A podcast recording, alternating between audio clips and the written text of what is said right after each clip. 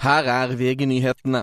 Frp bryter forhandlingene med regjeringspartiene og Høyre om endringer i pensjonssystemet.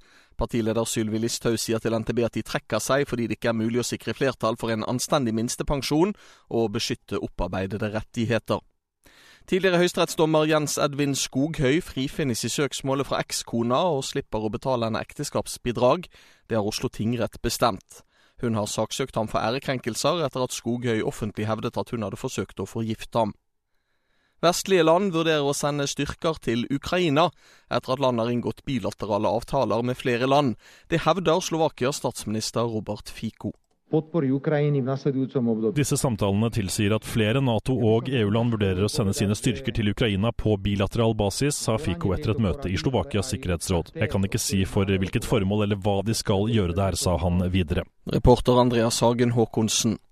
Og Jørgen Vatne Frydnes overtar som leder av Nobelkomiteen.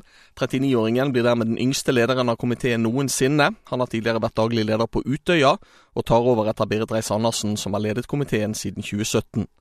I studio Thomas Alsaker, nyhetene får du alltid på VG.